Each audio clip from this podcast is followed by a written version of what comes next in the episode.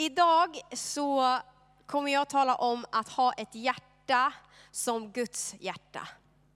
Att ha ett hjärta som slår för det som Guds hjärta slår för. Att hans kärlek får ta plats i oss på ett sånt sätt så att jag bryr mig om det som finns på Guds hjärta. Att det också får bli det som är på mitt hjärta. Och jag tänkte ta med er till min absoluta favoritvers. Jag säger det ganska ofta, åh det är min favoritvers, det är min favoritvers. Men det här är verkligen min absoluta favoritvers. Om jag ska välja en, då är det den här. Och det är i Lukas kapitel 19, vers 10. Där står det så här. Människosonen har kommit för att söka upp och frälsa det som var förlorat. Vi läser den en gång till. Människosonen har kommit för att söka upp och frälsa det som var förlorat. Det här fick jag uppleva i mitt liv när jag var 20 år. Då fick jag uppleva hur Gud sökte upp mig, hur jag fick möta Jesus Kristus och han vände mitt liv från mörker till ljus. Jag fick gå från att vara förlorad till att vara funnen i Gud. Och det här har vi alla som kallar oss kristna, vi som bekänner oss till honom, vi har fått uppleva det här. Vi har blivit funna, oavsett hur vårt liv såg ut innan, oavsett vilken bakgrund vi har, om livet var supertrasigt och bara kaos eller om det var ganska bra. Oavsett så var du förlorad och har blivit funnen. Är det någon som är glad för att den är frälst? Är det någon som är tacksam till Gud för att den får vara frälst idag? Amen, halleluja. Ska vi jubla lite över det? Ah. Yes. Det är underbart, vi får vara frälsta. Låt oss aldrig glömma det faktumet att vi är frälsta. Vi är frälsta och det är det största och bästa som kan hända en människa. Och jag tror att det här är det som alltid ligger överst på Guds hjärta. Alltid, alltid, alltid. Gud ser varje människa, han bryr sig om oss var och en och han älskar dig när du blir kristen också. Det är inte så att han slutar bry sig om dig och mig då. Hans omsorg för oss finns hela tiden. Men alltid, tror jag, att överst på Guds hjärta ligger de som ännu inte känner honom. Ligger de som ännu inte har fått förstå vem han är. Ligger de som, som söker efter ett hopp men inte vet vad det hoppet är. Jag tror att det är där Guds hjärta slår för. Och där tror jag vårt hjärta behöver slå för. Om du tänker tillbaka på din egen resa med Gud, både innan du tog emot Jesus, men också kanske den där första tiden efter att du tog emot Jesus. Då tror jag att det finns ganska många människor i din omgivning som har fått betyda mycket för dig. Bara tänk på det en sekund. Jag har så många människor som jag är så otroligt tacksam till. Som ledde mig till Gud men som också fortsatte att leda mig när jag hade sagt mitt ja till Jesus. Som hade bestämt sig för att det som är på Guds hjärta, det ligger också på mitt hjärta. Jag vill leda människor mot Gud, jag vill hjälpa människor, att förstå vem de är i honom, vad de kan få bli tillsammans med Gud. Och det är det som behöver finnas på våra hjärtan också. Det som är på Guds hjärta. För Människosonen kom för att söka upp och frälsa det som var förlorat. Och det är därför vi gör Där finns hopp. Det är därför vi gör den här kampanjen nästa vecka som vi har planerat i tre år. Det är ju helt galet. Hur många gånger har vi planerat något i tre år förut? Det har jag aldrig gjort förut. Tänk vad mycket vi har bett. Tänk vad mycket vi har förberett och längtat och hoppats och trott. Och nu är det bara en vecka kvar. Och vi gör det här för att vi är övertygade om, vi vet att det finns så många människor där ute som söker ett hopp som behöver få veta att det finns ett ljus som kan besegra ditt mörker. Det finns ett nytt liv för dig att leva och det livet är tillsammans med Jesus Kristus. Och jag tror att efter kampanjen så kommer du och jag få börja en resa med människor. Jag är helt övertygad om att människor kommer ge sitt liv till Jesus nästa helg. Ja. Och då börjar ett arbete, mina vänner. Så är det. Och ibland så tror jag att vi, vi lägger så otroligt mycket vikt vid den där resan fram till att människor tar ett beslut. Och det är jätteviktigt. Vi ska berätta om Jesus, vi ska evangelisera. Och så blir vi så glada när människor kanske räcker upp en hand i ett möte och säger yes, jag vill ta emot Jesus. Och så tänker vi, ja, då var det klappat och klart. Det är inte så. Det är inte så, utan där börjar en resa. En resa för en människa mot Gud. När jag, som jag sa förut så blev jag frälst när jag var 20. Eh, och jag kom från ett liv där mycket var destruktivt och dåligt och sådär. Och jag fick uppleva Guds kärlek. Och det var en frid och en kärlek som jag inte kan förklara, som bara går att uppleva. Gud vände upp och ner på mitt liv. Och det jag förstod var att Gud har gjort något i mitt liv, jag har blivit någonting helt nytt. Men jag hade ingen aning om vad det där nya var. Jag hade ingen aning. Det var så mycket som var så svårt. Det var liksom en kamp i mig, så här, ja, men jag har ju levt så här, men nu vill jag inte riktigt det, fast jag vill det fortfarande. Mina gamla vänner drog i mig fortfarande. Jag ville gå till kyrkan, men jag ville också göra massa andra saker. Det var fortfarande kaos på så många sätt. Jag visste att Gud hade gjort något, men jag fattade inte riktigt vad det var. Då behövde jag människor i min omgivning som hjälpte mig som stöttade mig, som stod med mig, som sa, hej Malin, du ska inte alls gå på krogen på fredag, nu ska vi gå till kyrkan. Det var bara ett exempel ifrån mitt liv, vad människorna i min omgivning fick göra för mig. Men det är så viktigt att vi kommer ihåg det här. När man tar emot Jesus så är man ett barn i tron. Precis som det föds ett liksom fysiskt barn, den är helt hjälplös, den kan ingenting. Den behöver sina föräldrar, den behöver andra människor runt omkring. Så är det också med nyfrälsta människor, de behöver oss. Oavsett om du har varit frälst ett halvår eller om du har varit frälst i 55 år så kan du få leda en annan människa vidare på sin resa. Och det är det här som jag önskar skulle få bli vår prioritet idag. Det är det för, för så många av oss, jag vet, men jag tror att Guds hjärta ska få drabba vårt hjärta ännu mer. Så att vi har orken och kraften att gå bredvid människor. I onsdags så um, var Sebastian Staxet på P4 Sörmland. Är det någon som har lyssnat på den intervjun? Ja, några stycken. Eh, då fick han en fråga om att så här, vad var det som gjorde att kyrkan eller den kristna tron blev hoppet du behövde? Någon, någon typ av sån fråga fick han. Vad var det som gjorde att det var i kyrkan du fann ditt hopp? Då svarade Sebastian, det var de kristna som orkade med mig.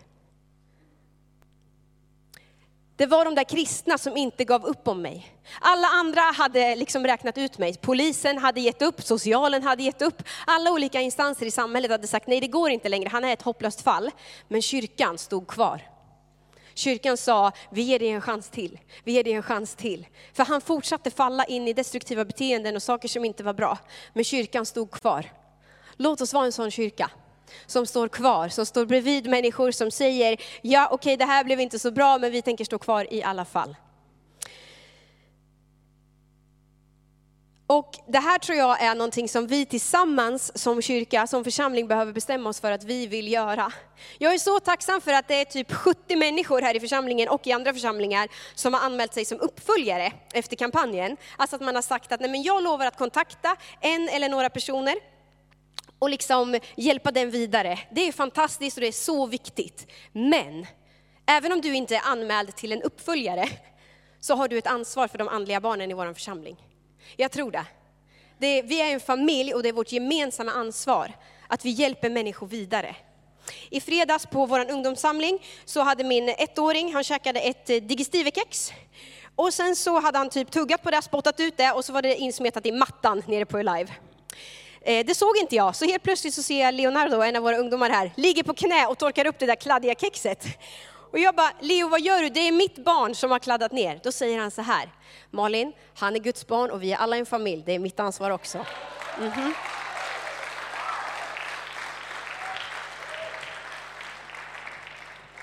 Med glimten i ögat, men det ligger något så viktigt i det där. Det är något så viktigt Leo som du har fattat, som vi alla behöver förstå. Att vi är en familj tillsammans, vi tar ett gemensamt ansvar för de nyfödda barnen som kommer till vår familj. För att de ska få växa vidare och bli allt det som Gud har tänkt för dem.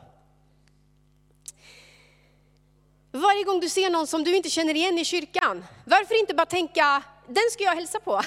Vem är det där? Det är inte säkert att det är en nyfrälst människa, det vet vi ju inte. Men om det är någon som du inte känner igen, säg ett hej i alla fall. Det är det minsta vi kan göra. Och ibland så tänker vi, det är någon annan som gör det. Vem är någon och vem är annan? Det kan vara du också. Det är bara en sån här liten grej som vi kan göra för att vara medvetna om vilka kommer som nya till vår familj.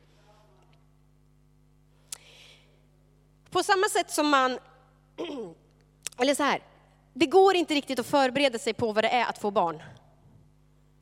Vi har ju nu eh, fått en ettåring och en tvååring, vi har blivit föräldrar. Och innan vi blev föräldrar så försökte man ju förbereda sig på hur det var att bli en familj, att få barn.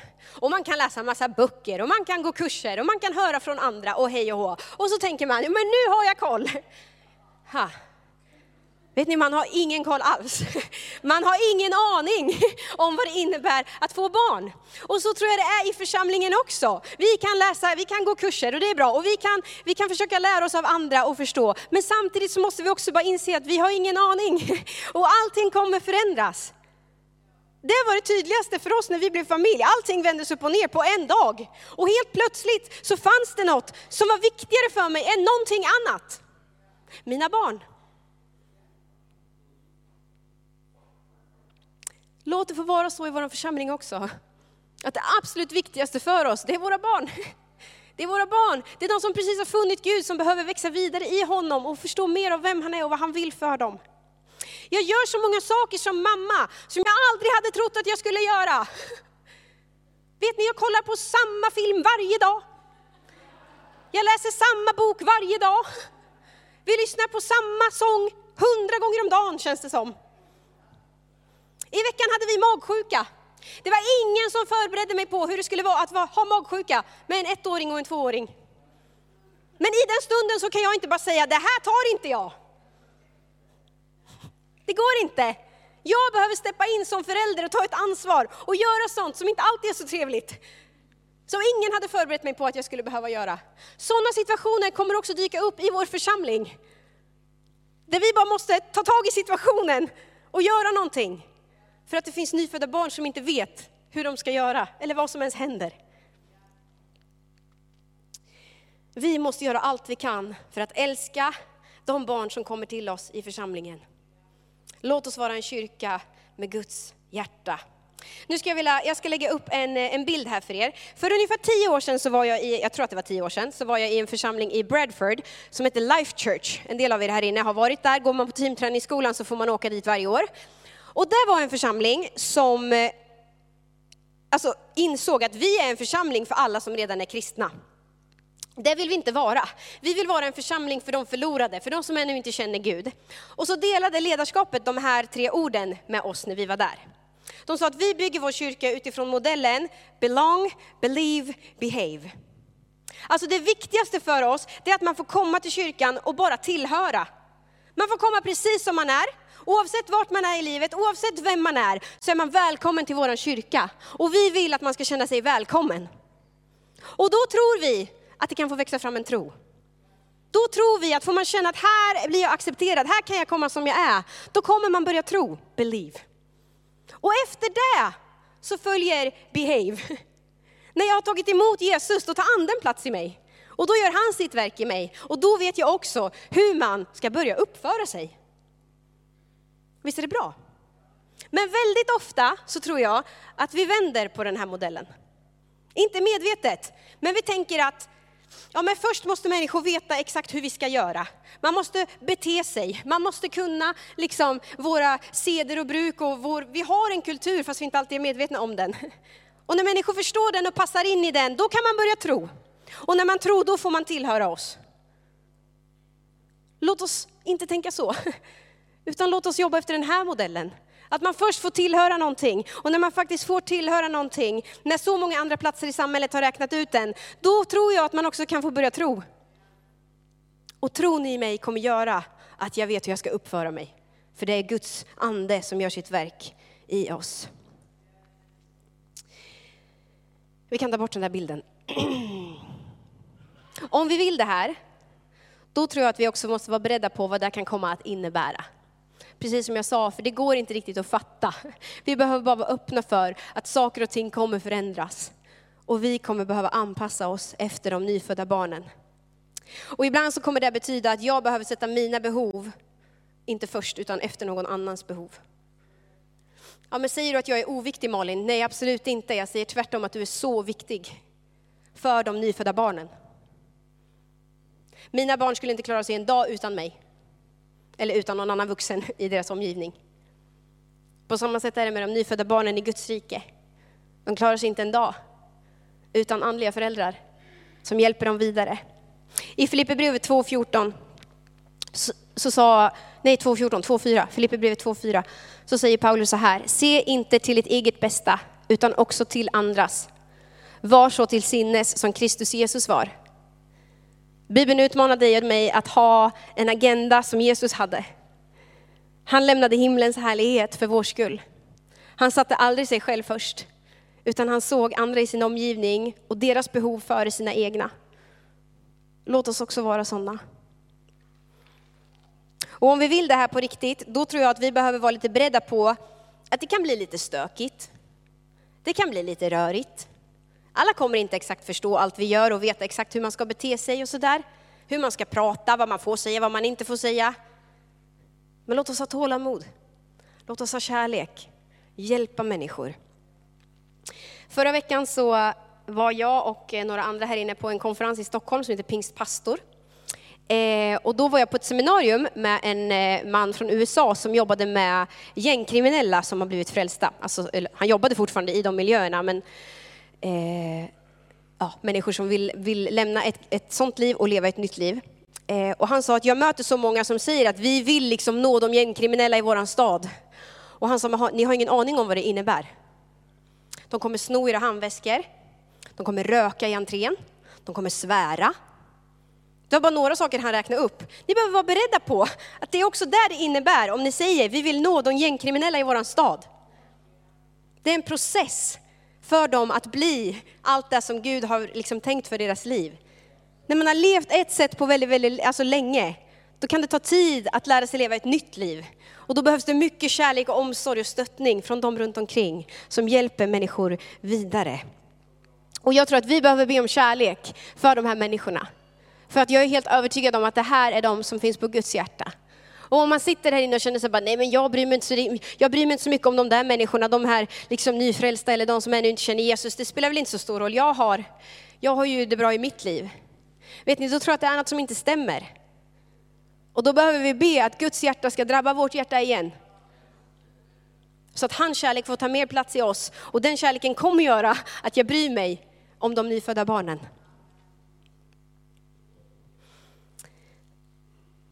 Och jag tror att vi har alla olika funktioner när det gäller en människas resa mot Gud. Jag tror att vi alla ska inte vara liksom engagerade i alla. Det är inte så, utan vi är med en, en viss etapp kanske av en människas resa. En del av oss står närmare någon och du står närmare någon annan. Men jag pratar om att ha en kultur av att vi bryr oss om de nyfödda. Där vi bryr oss om de minsta. I hur vi, att vi tänker på hur vi pratar, att vi tänker på vad vi prioriterar, att vi är medvetna om att det finns nyfödda i vår församling som vi behöver ta hand om. Det kan vara allt ifrån sångerna vi sjunger till språket vi använder. När jag blev frälst så kommer jag ihåg ett av de liksom tidiga mötena jag var på där. Så sjöng man en sång där texten gick så här. Det finns underbar förlossning i det blod som göts en gång. Och jag satt i det där mötet och bara tänkte så här, vad, nej, vad sjunger vi nu? Det finns underbar förlossning i det blod som göts en gång. Och jag tänkte bara, det här är den sjukaste sången jag någonsin hört. För jag fattade inte flytande liksom frikyrkiska. Jag förstod inte vad förlossningen var. Och vad då göts en gång och det där blodet de sjunger om. Det var så mycket som bara var så konstigt för mig. Sen då fick, fick jag ju fråga någon och då förklarar de, okej okay, jaha det är Jesu blod och liksom det blev, blev tillgängligt för oss alla och sådär. Jag fattade med lite förklaring, men när man bara sjöng den där sången så var det bara så konstigt. Men för oss som är i en frikyrklig kontext så är det inte alltid vi är medvetna om de här sakerna. Vi säger saker, vi sjunger saker, vi gör saker och tänker att alla förstår och alla är med. Det är inte säkert. Låt oss bara ha med oss det, tänka på det, vara medvetna om att det finns nyfödda barn som behöver vår hjälp för att förstå. För det viktigaste, det är inte vi som redan är med. Det är faktiskt inte det. Du och jag är inte det viktigaste. Jag tror inte det. Utan jag tror att det viktigaste, det är de som ännu inte känner Gud och det är de som precis har börjat sin resa med honom. Det är att de ska få bli bevarade. Och jag ber och längtar och hoppas och tror att nästa helg ska inte, vi ska inte bara ha ork, kraft och kärlek till att se människor kanske räcka upp handen i ett möte och, bli, och komma fram till förbön. Det är superviktigt, det är där människor ger sitt liv till Jesus. Jag förminskar inte det. Men det jag säger är att där börjar en resa för människor. Det är inte bara den stunden, den är jätteviktig och det är den människor ska få titta tillbaka på och veta, det var där jag gav mitt liv till Jesus. Men det stora beslutet kommer sen behöva följas upp varje dag med massa små beslut. Och där behöver människor hjälp. Jag talar av egen erfarenhet, jag vet hur viktigt det här är. Och jag tror att det finns flera med mig här inne som förstår vad jag menar, som vet exakt hur det var den där första tiden. Man behöver hjälp. Man behöver människor som står bredvid, människor som drar, människor som ringer, hör av sig och som har tålamod och som orkar när man inte orkar själv. Och när man misslyckas och när man faller så behöver vi vara den där öppna famnen som fortfarande står kvar och säger kom, vi börjar om. Guds armar står alltid öppna för dig. Och det finns nåd, och det finns förlåtelse, och det finns alltid kärlek. Låt oss be om ett hjärta som Guds hjärta. För det kommer behövas. Det kommer behövas. Okej, lovsångsteamet kan få komma fram. Och så har jag tänkt att vi ska be tillsammans.